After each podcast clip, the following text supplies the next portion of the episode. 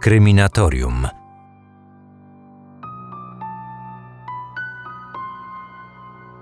Dzisiaj temat z naszego krajowego podwórka. Polska sprawa, którą przed niemal 100 laty żył cały Poznań. Najpierw w tajemniczych okolicznościach dochodzi do zaginięcia szesnastolatka.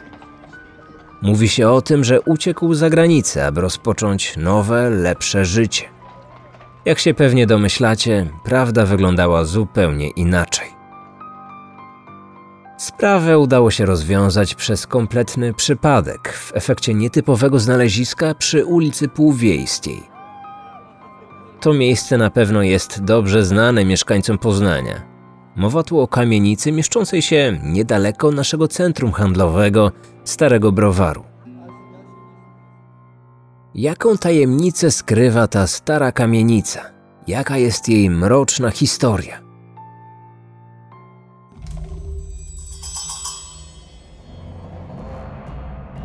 Cześć, nazywam się Marcin Myszka, a to jest mój podcast Kryminatorium. W każdy poniedziałek opowiadam o innej, intrygującej i tajemniczej sprawie kryminalnej. Przypominam, że odcinki mojego programu znajdziecie na Spotify, jak również każdej innej aplikacji przeznaczonej do słuchania podcastów. Kryminatorium. Otwieramy akta tajemnic. Cofnijmy się jednak do samego początku tej historii. Mamy 9 lipca 1923 roku. Lokalne gazety piszą o zaginięciu 16-letniego Józefa Jankowiaka. Chłopiec pracował jako goniec dla banku i zniknął z dużą sumą pieniędzy. Przez wielu od razu zostaje pomówione o kradzież. Dla większości nie ulega wątpliwości, że młodzieniaszek zabrał ze sobą teczkę z kwotą 12 milionów marek, którą miał przewieźć do kantoru wymiany. Taka suma z pewnością wystarczy na dobry początek nowego życia, prawda? Nowe fakty wychodzą na jaw dopiero 8 lat później, 2 września 1931 roku. To właśnie wtedy w kamienicy przy ulicy Półwiejskiej pracownicy drukarni dokonują makabrycznego odkrycia. Dwa dni później kurier poznański opisuje już znane szczegóły sprawy. Kamienicy, w której znaleziono kościotrupa, mieści się drukarnia, do której zwożono papier. Z wały papieru przewożono wózkiem bocznym wejściem. W pewnej chwili pod naporem ciężaru zerwał się chodnik i zauważono głęboki otwór. Przywołany stróż zbadał przyczynę oberwania się cementowych płyt, a następnie udał się do piwnicy. Tu napotkał stróż na wnękę zabitą szczelnie deskami. Zaintrygowany zabudowaniem począł odrywać deski. W pewnym momencie ukazał mu się kościotrup, który był w pozycji stojącej. Zębem czasu nadgryzione piszczele rozsypały się. Natychmiast posłano po policję. Wieść o trupim znalezisku błyskawicznie obiegła miasto, a głodni sensacji mieszkańcy przez kilka dni zbierali się pod budynkiem, by na własne oczy ujrzeć miejsce opisywane w dziennikach. Nie przeszkodziło to śledczym skutecznie wykonywać swojej pracy. Przesłuchano świadków i mieszkańców kamienicy. Przy szczątkach znaleziono dokumenty i szybko ustalono, że kości należą do zaginionego 8 lat wcześniej chłopaka. Dodatkowe dowody stanowiły plamy krwi znalezione na ścianach i piwnicy, a także włosy. Już 5 września prasa poinformowała, że znane są nie tylko personalia ofiary, ale wytypowano także potencjalnego sprawcę.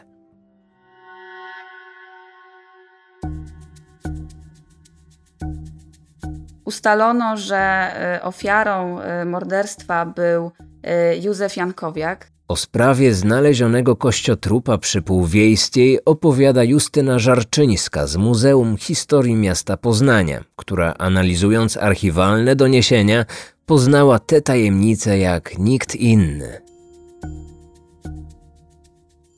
W momencie, kiedy został zamordowany, miał zaledwie 16 lat. Był y, pracownikiem banku mieszczańskiego. W 1931 roku ten bank mieszczański już nie istniał. E, był takim kurierem, powiedzmy, takim chłopcem trochę na, na posyłki, ale godnym zaufania, bo e, często powierzano mu e, duże sumy pieniędzy, więc no, miał też taką odpowiedzialną pracę. Jeżeli chodzi o osobę, która dokonała tej zbrodni, to mm, szybko zaczęto podejrzewać, że był nim Leon Hałas, który w tym 1923 roku był narzeczonym siostry ofiary, więc no, osoba z bliskiego otoczenia, jakby nie było. Prawie każdy mieszkaniec Poznania był na bieżąco ze sprawą kościotrupa spółwiejskiej. Jasne było już, że nastolatek nie zbiegł z pieniędzmi. W jego złe intencje od samego początku nie wierzyła rodzina. W latach dwudziestych nikt nie chciał ich jednak wysłuchać. Dopiero w 1931 roku matka chłopca mogła opowiedzieć policji, co według niej naprawdę się stało. Kobieta od początku podejrzewała Leona Hałasa, który umawiał się z córką państwa Jankowiak, Franciszką. Mój synek Józio był chłopcem bardzo porządnym. W banku mieszczańskim pracował dwa lata. W czasie tym Józiu pozyskał całkowite zaufanie przełożonych, a dowodem tego zaufania był fakt, że dyrekcja powierzała mu poważne nieraz sumy pieniężne i chłopak z zadania swego zawsze wywiązywał się bez zarzutu. Pewnego wieczora, a było to w poniedziałek, wszedł do mieszkania dziwnie zmieszany Leon Hałas, narzeczony jednej z moich córek.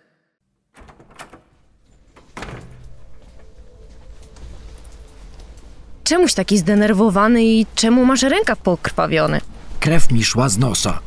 Tyś może Józka zamordował, bo go tak długo nie ma?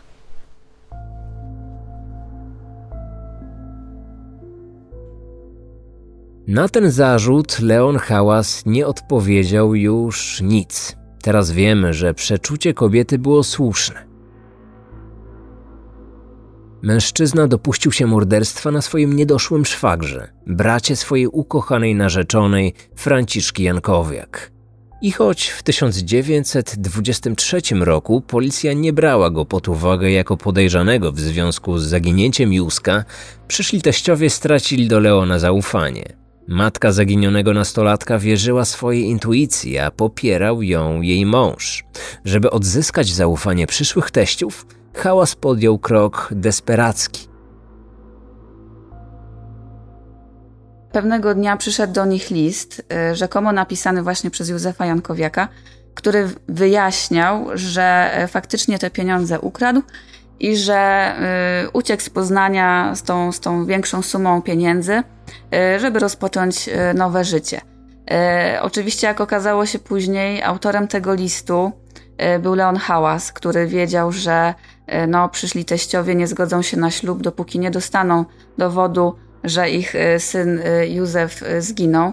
Rodzice mm, niechętnie zgodzili się na ten ślub, bo coś im w tym liście nie pasowało. Przede wszystkim charakter pisma się nie zgadzał. Także, no, ale trzeba przyznać, że też było to dziwne, dziwne ze strony policji wtedy, że szybko sprawę zamknięto i nie wzięto pod uwagę właśnie tego, że może jest to jakieś, jakieś oszustwo Choć trudno było może i w to uwierzyć, ale Franciszka Jankowiak nic nie robiła sobie z oskarżeń rzucanych na narzeczonego przez własną rodzinę. Leona kochała ponad życie, zresztą z wzajemnością. W lipcu 1923 roku była już w pierwszej ciąży. Jej rodzice wciąż byli przeciwni temu związkowi. Nadesłany list był raczej kiepskim wyjaśnieniem nagłego zniknięcia syna, ale mimo wszystko uśpił ich czujność. Wydali zgodę na małżeństwo i kilka miesięcy po zabójstwie, którego dokonał Leon, zakochani stanęli już na ślubnym kobiercu. O wczesnym okresie małżeństwa państwa hałasów niewiele wiadomo. Na jaw dopiero po latach, w trakcie procesu, wyszły fakty, jakoby Leon miał być pośrednikiem w obrocie nieruchomościami. Mężczyzna miał okraść partnerów biznesowych. Został zwolniony i para zdecydowała o ewakuacji z kraju. Można przypuszczać, że i o tych oszustwach nie wiedziała Franciszka. Kilka miesięcy po ślubie mieszkali w Poznaniu, ale niespecjalnie im się tutaj e, też tak układało. I w końcu wyjechali do, do Francji, e, zamieszkali pod Paryżem. prowadzili takie bardzo normalne, stabilne życie, doczekali się kilkorga dzieci. Zresztą w momencie, kiedy sprawa z zabójstwem wyszła na jaw, Franciszka była w kolejnej ciąży. Więc no, takie typowe małżeństwo wielodzietne i, i z tego, co też przekazywano w prasie, szczęśliwe i takie nawet uchodzące za wzorcowe. Po ośmiu latach udane życie małżeńskie zostaje przerwane niespodziewanym odkryciem przy ulicy Półwiejskiej. Obecnie to jedna z najpopularniejszych i najczęściej uczęszczanych ulic w Poznaniu, ale pewnie niewiele osób spacerujących tam zdaje sobie dziś sprawę, jak ważne było to miejsce dla tej historii i jak z mrocznym zdarzeniem ma związek. Ukryty w piwnicy kościotrup, do którego udało się dotrzeć poprzez przypadkowe zerwanie fragmentu drogi, był prawdziwą sensacją. Policja w latach 30. działała dużo sprawniej niż jeszcze przed pięciu czy dziesięciu laty.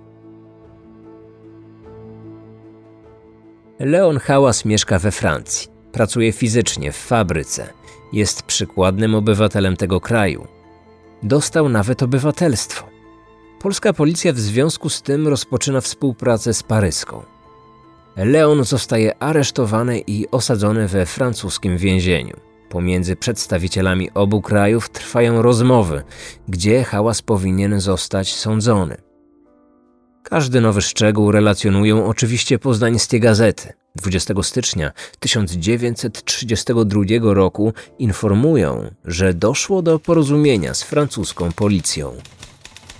Dziś w godzinach przedpołudniowych nadeszła do prokuratury Sądu Okręgowego w Poznaniu sensacyjna depesza z stolicy Francji. Depesza wpłynęła na ręce prokuratora Hrabyka. Treścią depeszy jest wiadomość, że Leon Hałas wydany zostanie w ręce pobliskich władz sądowych i już w najbliższych dniach przewieziony zostanie pod eskortą władz policyjnych do Poznania. W tamtych latach publikowanie zdjęć w prasie nie było zabiegiem popularnym. Nikt nie wiedział, jak wygląda wspomniany Leon Hałas, dlatego transport podejrzanego do Poznania też stanowił dla mieszkańców sensację. Każdy chciał na własne oczy zobaczyć, kim jest mężczyzna, który dopuścił się bezdusznego czynu. Jego przyjazd skrupulatnie opisał nowy kurier – już około godziny 21 przed dworcem gromadzić się zaczęły tłumy ciekawych. Z polecenia kierownika Wydziału Śledczego pana komisarza Nowakowskiego publiczności na peron nie wpuszczano. Porządku pilnował wzmocniony oddział policji. Około godziny 22 na kilka minut przed nadejściem pociągu ze Zbąszynia tłum zgromadzony przed dworcem wzrósł do przeszło 200 osób. W ostatniej chwili zjawił się również oficer żandarmerii i dwaj żandarmi z nasadzonymi bagnetami. Punktualnie o godzinie 22 z trzema minutami zajechał pociąg zbąszyński na peron drugi. Do specjalnego wagonu, w którym znajdował się zbiorowy transport więźniów, z trudem toruje sobie drogę policja. Do przedziału trzeciej klasy, w którym hałas odbył podróż ze Zbąszenia do Poznania, wchodzi naczelnik dworca.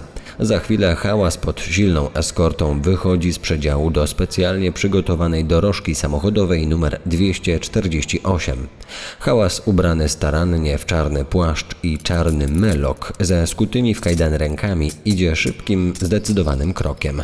Wygląda dobrze. W samochodzie zajął miejsce pomiędzy dwoma policjantami uzbrojonymi w nabite karabiny i tajnym wywiadowcą śledczym.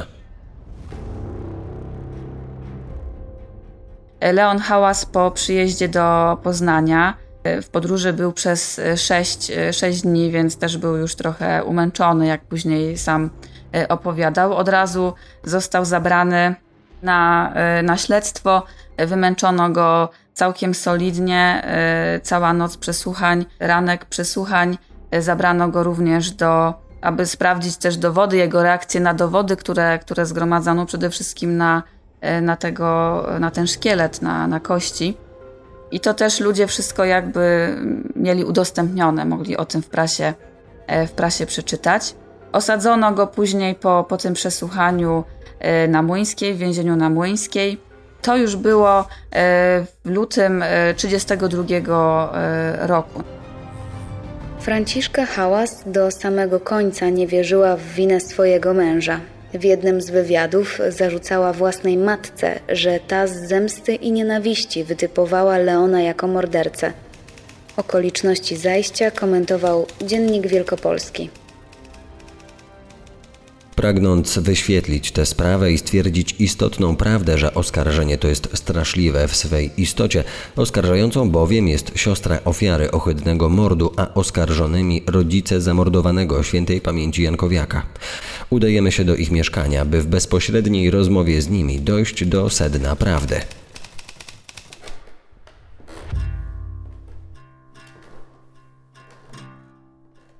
Na rany Chrystusa mogę przysięgnąć, że hałas zamordował biednego Józka.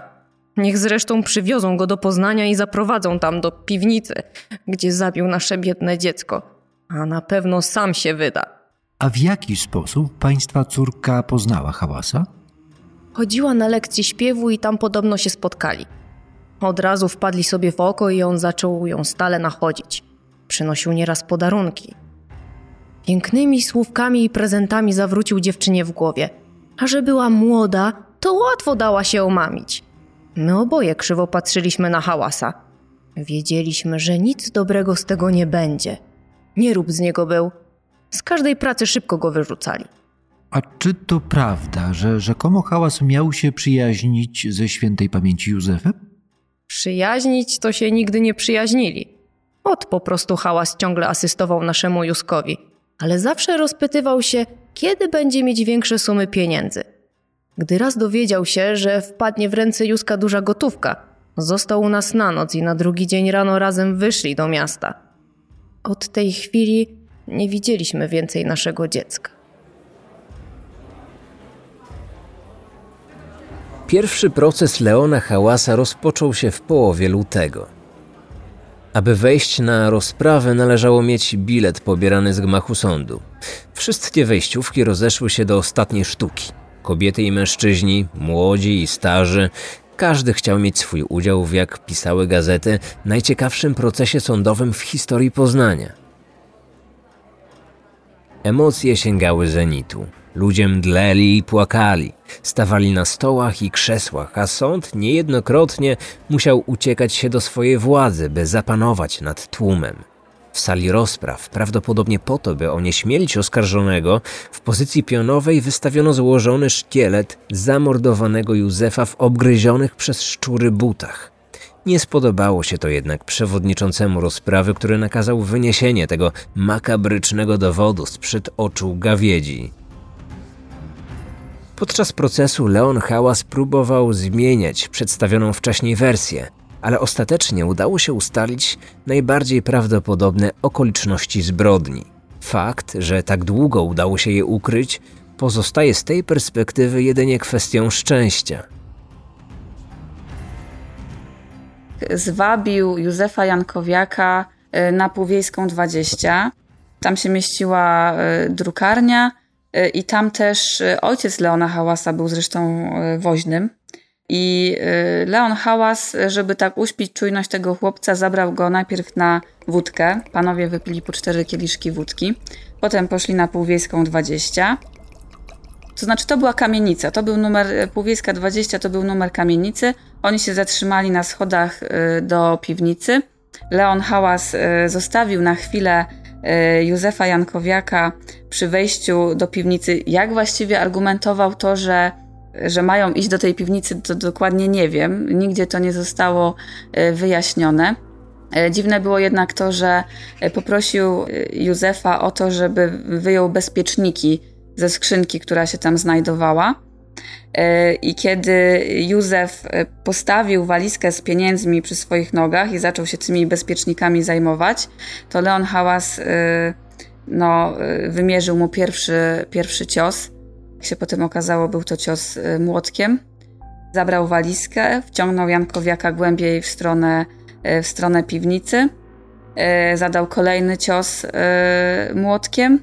Wsunął jakby to ciało do, do wnęki i to jest dziwne, że zostawił je na jakiś czas. Wyszedł z tej piwnicy z pieniędzmi. Udał się do znajomego, który dysponował takimi dużymi deskami i stwierdził, że no weźmie od tego znajomego te deski, kupi je, wróci na miejsce zbrodni i, yy, i, i, i jakby to wejście zablokuje tak, żeby nie było nic widać.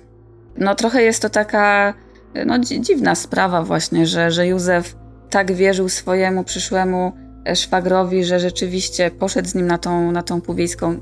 Właśnie o czym panowie rozmawiali, trudno powiedzieć.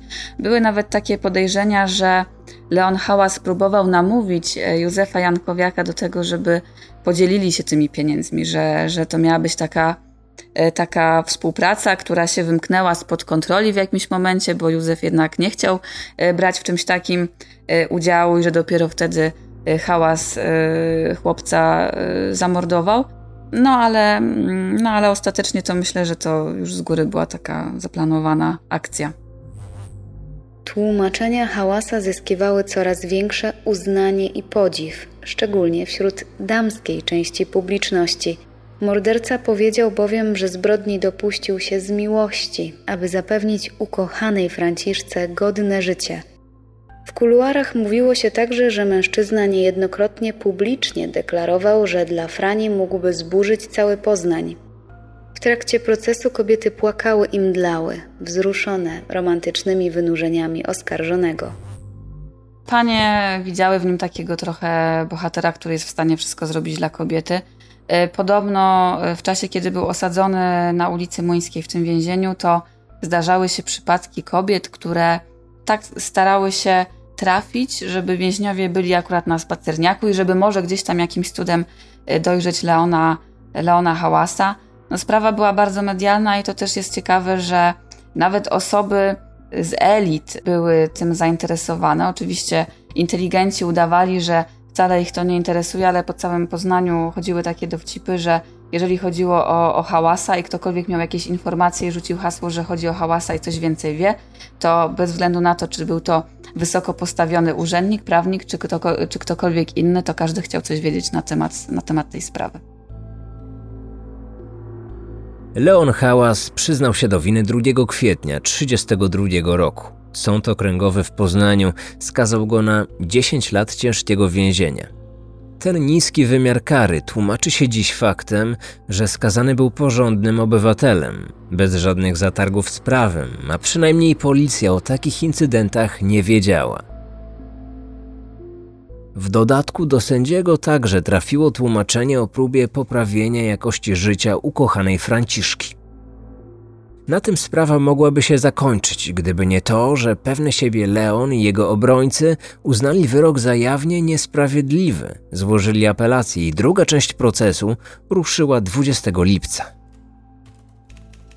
Oskarżony opowiadał o zapoznaniu się ze swoją żoną, o tym jak potrzebował pieniędzy, a następnie o dokonaniu samego morderstwa. Opowiadanie to przerwane zostało ponownie strasznym płaczem hałasa. O Boże, Boże, po co ja to uczyniłem? Przyznać się do winy absolutnie nie chciałem, a głównie dla mojej rodziny i dlatego, że bałem się kary śmierci. Po ustaniu szlochów obrońca Hałasa stawia wniosek o przesłuchanie obecnej na sali żony, by przekonać się o charakterze i porywczości oskarżonego. Na rozprawie apelacyjnej podniesiony zostaje wątek kary śmierci, na co morderca znów reaguje paniką. Bóg mi świadkiem, że nie chciałem zabić. Następnie wstaje i miotając się na ławce, rzuca z całych sił kapelusz na ziemię.